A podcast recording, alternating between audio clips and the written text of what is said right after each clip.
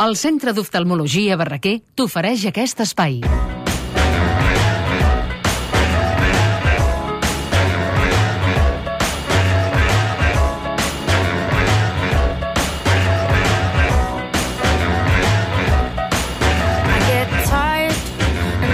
Si sou a casa pensant com podríeu aprofitar aquest diumenge, nosaltres tenim algunes propostes. Ens les porta una dona que, com la paella, és de mar i muntanya. Epa, Ferrer! Hola, bon dia. Com estàs? Bé, vens molt guapa avui. Llàstima que això és ràdio. Digue-ho tot, no, digue-ho tot. Què m'has dit? Que sembla un barrufet. Ara, ara. Ensenya-li les cames al Santiso un moment, per favor. Vinga, va. Què sembla? Un barrufet, oi que sí? Em sembla que li he ensenyat alguna cosa més que les cames al I Santiso. ell que estarà content, home. A veure, va, Vinga, comencem. avui us faré triar entre mar o muntanya, entre si voleu ser un grumet d'un vaixell o ser un arquitecte terrenal. Però abans, una mica de carbassa.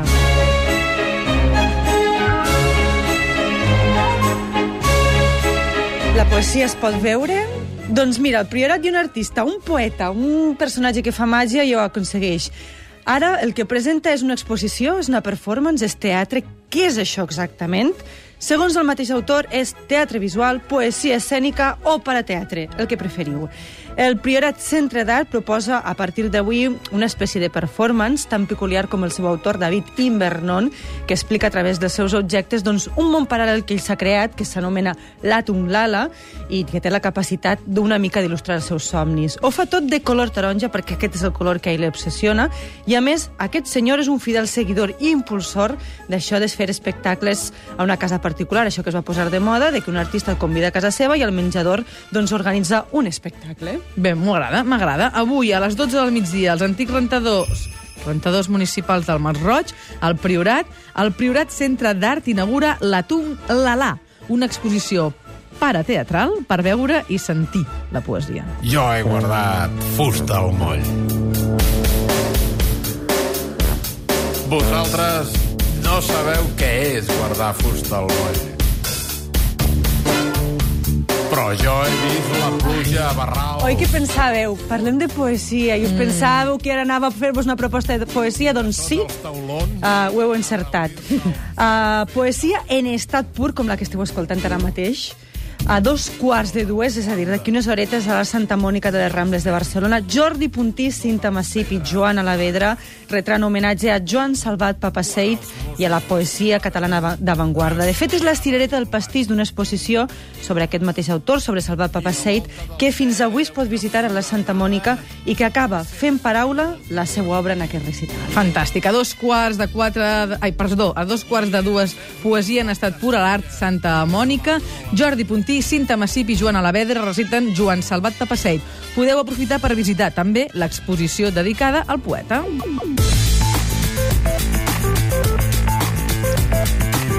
Més coses, Pepa. Doncs vinga, comença dissabte que ve, però mm, vinga, va, aneu a preparant-vos perquè anem fins a Calella. Us proposem un certamen de cinema i fotografia que durant el mes d'abril i des de ja fa sis anys porta fins a aquesta localitat costanera fotografia, curtmetratges i cinema.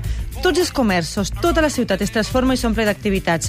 29 exposicions, 70 curtmetratges, propostos, propostes de cursos de fotografia i cinema, conferències, mostra de cine de col·leccionista en fi, quantitat de coses. Per exemple, entre el que es projectarà els curs guanyadors del Premi Goya, La Bruixa, de Pedro Solís García, i del Premi Gaudí, Les bessones del carrer de Ponent, de Mar Riba i Anna Solanes. L'homenatge d'enguany es dedica a Eugeni Forcano, un dels fotògrafs més importants de Catalunya. Des de dissabte que ve, la platja i el cinema es donen la mà al Festimatge de Calella, una mostra de fotografia, curts i llargmetratges que porta el bo i millor fins a aquesta ciutat. I si no voleu ser només espectadors i us voleu iniciar en la matèria, també ofereix cursos de fotografia i cinema. Doncs sí, si ara fem les maletes i anem de viatge amb vaixell...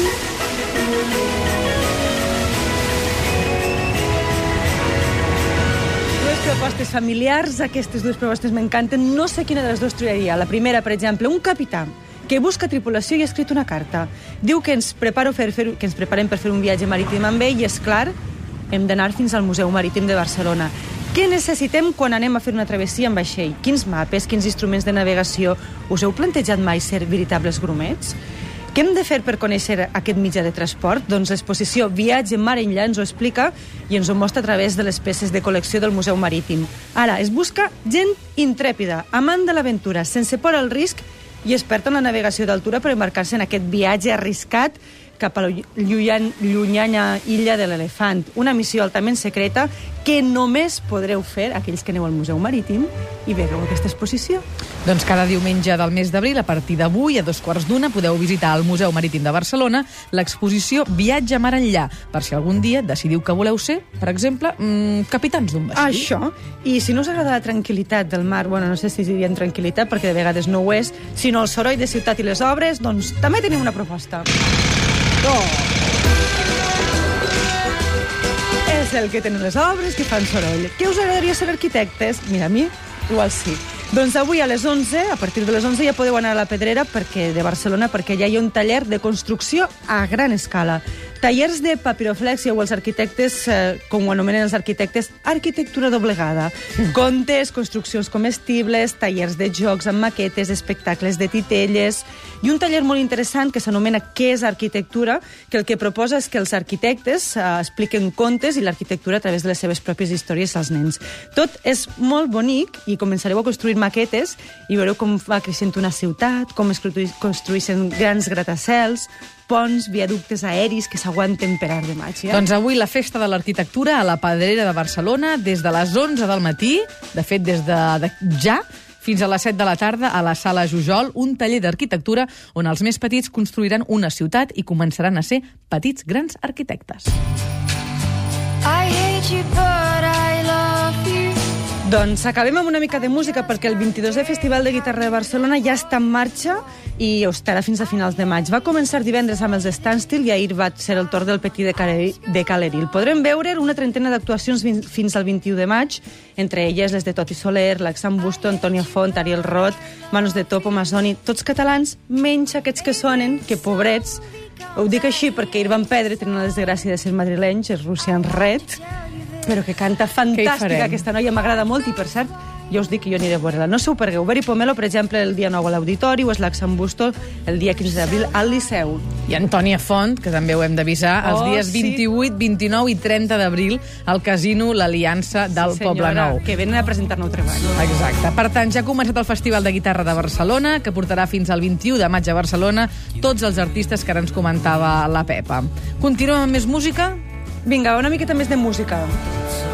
Doncs uh, ahir es va inaugurar i, per tant, a partir d'avui es pot visitar l'exposició Soledats a la sala d'actes de l'Associació Amics de les Joventuts de Terrassa i la veritat és que aquestes són les exposicions que estimulen una mica la creació de localitats i participen 16 creadors ter terrassens. Moltíssimes gràcies, Pepa, per totes aquestes idees que segur que l'agradaran no només aquest cap de setmana, que està a punt d'acabar, estem a la meitat, sinó la setmana que ve. Adéu. Adeu! Barraquer. La teva visió és la nostra raó de ser. Les cataractes. El cristal·lí, la lent natural de l'ull, perd la transparència amb el temps i el resultat és l'aparició d'una mena de filtre groguenc que limita el pas de les imatges.